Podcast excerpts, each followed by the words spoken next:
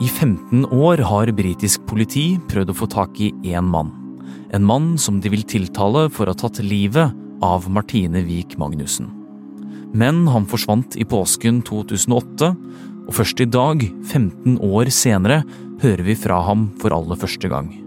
I knew this would always be over my head my whole life. I don't think anything's going to change that. I en dokumentar fra BBC og TV 2 så innrømmer Faruk Abdullak å ha vært involvert i drapet på Martine. And so he said it was an accident, nothing nefarious. Er en 15 år gammel drapssak nå endelig over? Dette er en oppusset versjon av en tidligere episode av Forklart fra Aftenposten. Mot slutten får du en oppdatering om hva som nå har skjedd, og hva det betyr for saken. Jeg heter Philip A. Johannesborg, og i dag er det 28. mars. Det er Anne Lindholm som tar deg gjennom denne historien.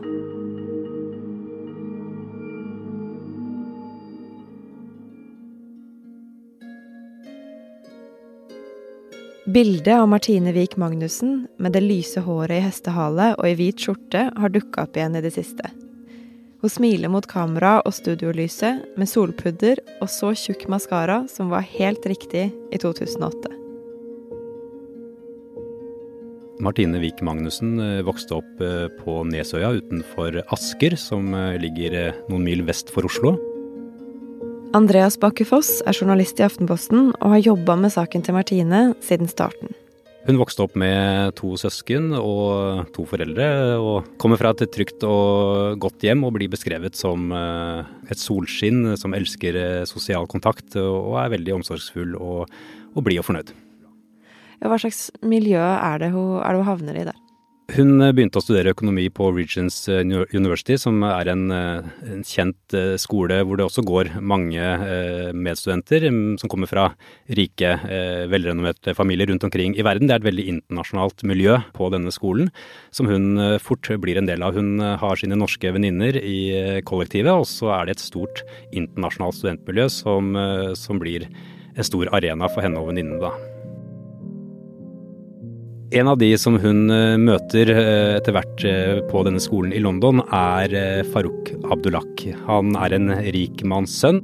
Faren er en av de absolutt rikeste mennene i hele Midtøsten, og der er det mange med mye penger.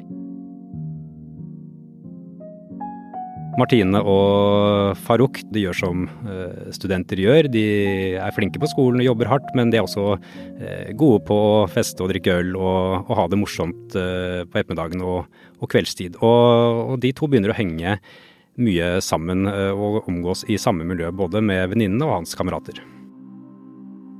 Fredag den 14. mars i 2008, helga før påske, så skal Martine og venninnene hennes feire at vårsemesteret er over. Og Da bestemmer de seg for å gå ut på byen, øh, og de drar på en nattklubb som øh, den gang het Maddox. Øh, hvor de da tar noen øl og drikker og fester og har det gøy. Og på denne nattklubben så møter de også Farouk Abdullah og en del av hans venner. Og hva er det som skjer i løpet av kvelden? Når det nærmer seg stengetid, sånn rundt to-tre-tiden på natta, så vet vi at Martine Eh, skal ha sagt at hun ønsket å dra på et nachspiel, altså fortsette festen et annet sted enn eh, på dette utestedet. Det finnes eh, bilder av Farouk Abdurak og Martine som da forlater denne klubben og går ut døra rundt klokka tre på natta, og de forsvinner inn i en taxi som kjører av gårde. Lørdag morgen, når vennene hennes våkner, så er det ingen som har hørt noe fra Martine. Og samtidig så går Farouk Abdulhak om bord i et fly og rømmer landet.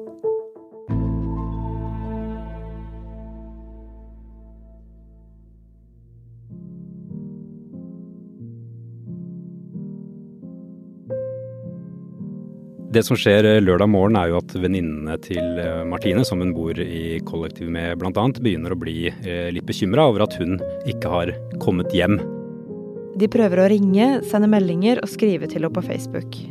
Etter hvert så prøver de også å få tak i Farouk, men han svarer heller ikke. De begynner å spørre andre venner som de var ute sammen med. Ingen har hørt noe. Eh, og til slutt så velger de å gå til politiet og melde Martine for savnet. hva er det politiet gjør? Det settes jo i gang en storstilt leteaksjon, og politiet i London tar jo dette på det største alvor. Bruker veldig mye ressurser på å forsøke å finne Martine. Lørdagen går, de finner ikke noe tegn til henne eller til Farouk.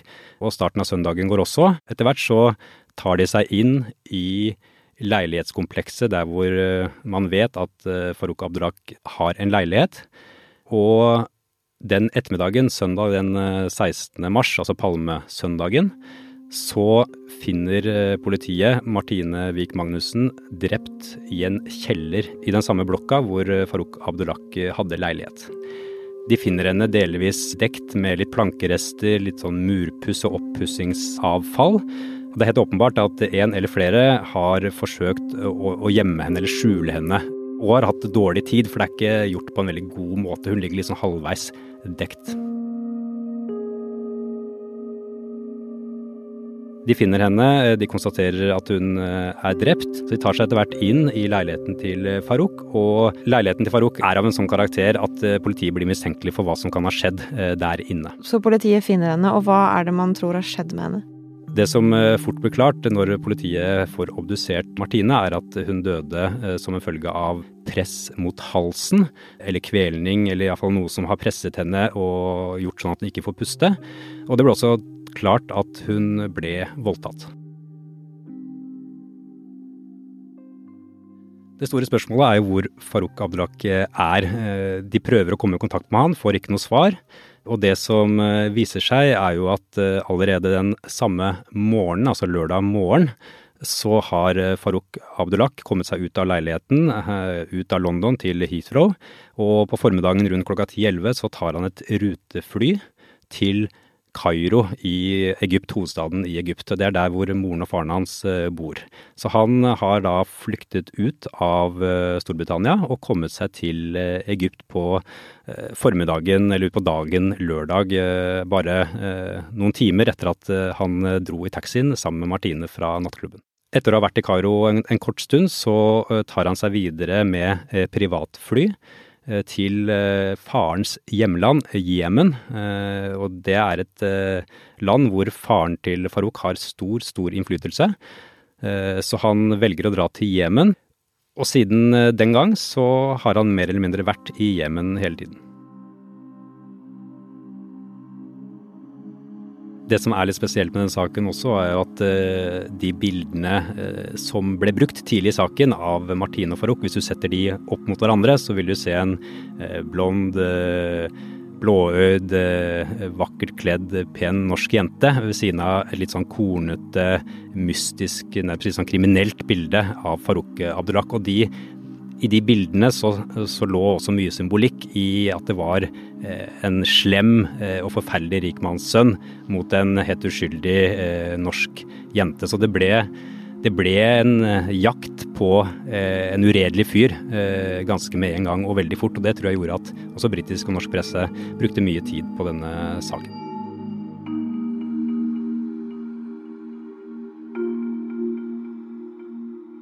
Og Åssen har det gått med familien til Martine siden 2008? Nei, Man kan jo bare forestille seg å bli frarøvet en uh, datter. Det som uh, Odd Petter Magnussen har gjort, altså faren til Martine, er jo at han har uh, gjort denne saken og det som skjedde mot datteren, til sin livskamp. Han har ett stort mål for resten av livet, og det er å jobbe for at Farouk Abdullah skal bli stilt til ansvar for det han har gjort. Og det kan jo nesten virke som om man her nesten snakker om en kamp mellom de to familiene, for det er familien til Martine som prøver å få Farouk Abdullah til London uh, for å få han stilt for retten og kanskje få en avslutning. Og så har du familien til Farouk. Hva slags familie er det? Nei, vi må huske at uh, familien til Farouk er jo ikke en helt vanlig familie. Det er altså en av de aller rikeste familiene i Midtøsten, og uh, med alt det innebærer. For faren til Farouk så var jo denne saken eh, katastrofal. Og etter det som skjedde, så har han ikke kunnet eh, dra eh, på samme måte som før og gjøre business. Så han ble på mange måter vingeklippet fra å, å dra dit han ville, og det kostet mye. Samtidig så har han heller ikke gjort noe for å prøve å få til en løsning, annet enn å forsøke å betale seg ut, da. Og politiet har jo aldri hatt noen andre mistenkte i den saken her enn Farouk Abdulhak. Hva gjør han nå? Det vi vet om eh, Farouk, er jo at han stort sett eh, har holdt seg i Jemen, eh, og også stort sett i hovedstaden Sanaa, der hvor faren eier mange hus og har business. Så han blir jo beskyttet der av skal vi si, farens sitt store nettverk i Jemen. Og Andreas, du har jo jobba med den saken her for Aftenposten siden starten. Og For to år siden så kom nyheten om at faren hans, Shaher Abdulhak, er død. Men før det så sendte faren et slags brev på tiårsdagen for drapet. Hva var det som skjedde? Jeg har hatt en del kontakt med farens britiske advokat. Eh, og vi har også spurt faren om, om intervju i, i mange, mange år. Alltid fått nei. Det som skjedde litt i forkant av uh, denne tiårsmarkeringen, var at uh, jeg plutselig fikk en e-post fra farens britiske advokat. Uh, hvor han ønsket da å komme med en uttalelse, altså faren, via advokaten. Det var ikke snakk om å få prate med Shaher Abulak, men han sendte en e-post med en, et sitat hvor han sa at han sendte sin ektefølte og dypeste kondolanse til familien Magnussen og at han støttet deres arbeid med å få løst saken. Og Det er jo en uttalelse som Vik Magnussen-familien ikke festet så særlig mye lit til, for er det en som kunne bidratt til å bli med å løse denne saken, så er det jo Shaher Abdullah. Så den uttalelsen eh, ble stående som litt sånn eh, rar eh, oppi det hele. Og nå, tilbake til dagen i dag, så har det kommet en ny utvikling i saken, og den har vakt oppsikt. For i den nye dokumentarserien Martine siste kapittel så snakker Farouk Abdullak for første gang om dødsfallet til Martine Wiik Magnussen. Det store nye i denne saken nå er at eh, Farouk Abdullak for første gang uttaler seg om det som skjedde i London i 2008. Det har han aldri gjort før, og i 15 år så har eh, journalister og politi og andre forsøkt å få han i tale om dette. Hva er det han sier da? Han sier at det som skjedde var en eh, ulykke, en sexulykke som eh, gikk galt. Han sier også at han beklager dypt det som skjedde. Han kaller jo dette en ulykke, men det vil nok britisk politi, som jo mistenker ham for drap, være veldig uenig. Man må huske på at når eh, Martine Wiik Magnussen ble funnet, eh, så hadde hun store skader eh, på halsen, og obduksjonsrapporten viste at hun både var blitt kvalt og voldtatt. Og det var også tegn på kroppen hennes som tydet på at hun hadde kjempet alt hun kunne for sitt eget liv. Hvordan har dette kommet frem da? Journalister over hele verden, eh, inkludert meg selv, eh, har jo forsøkt å få eh, Farouk Abdurak i tale de siste 15 årene. Også politiet i Storbritannia har forsøkt, uten å lykkes. Nå er det altså laget en dokumentarserie hvor en britisk-jemenittisk journalist som jobber i BBC, har klart å komme i kontakt med Abdurak via sosiale medier, og de har snakket på Snapchat både gjennom meldinger og gjennom tale. Hva har denne informasjonen å si for etterforskningen nå, da?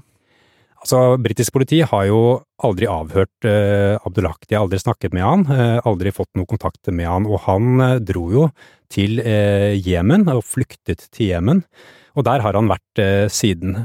Jemen har ingen utleveringsavtale med Storbritannia, og det er krig eh, i landet, så det har vært veldig vanskelige forhold.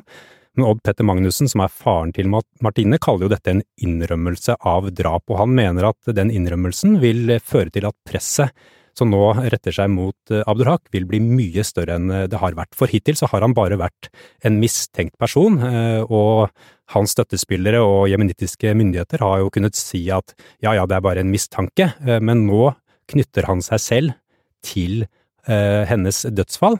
Og det er en helt ny situasjon som kan føre til et nytt press også i Jemen for at uh, noe må skje. Betyr dette at uh, denne saken nå har fått en avslutning? Nei, det har på ingen måte fått en avslutning, for Abdurhak selv sier jo at han ikke har noen planer om å, å dra til Storbritannia. Han syns det er kaldt der og liker ikke været.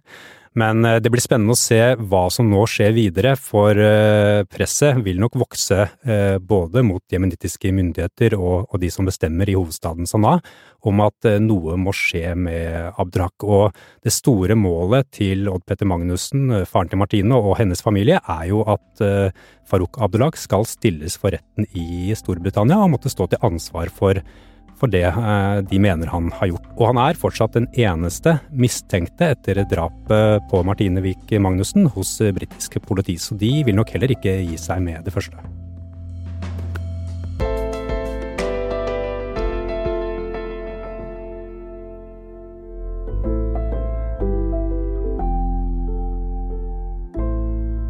Du har hørt en podkast fra Aftenposten. Det var journalist Andreas Bakke Foss og Anne Lindholm som tok oss gjennom saken om Martine Wiik Magnussen.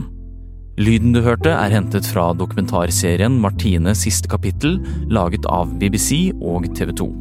Denne oppussede episoden er produsert av Jenny Føland og av meg, Philip A. Johannesborg. Den originale episoden var produsert av Fride Næss Nonstad.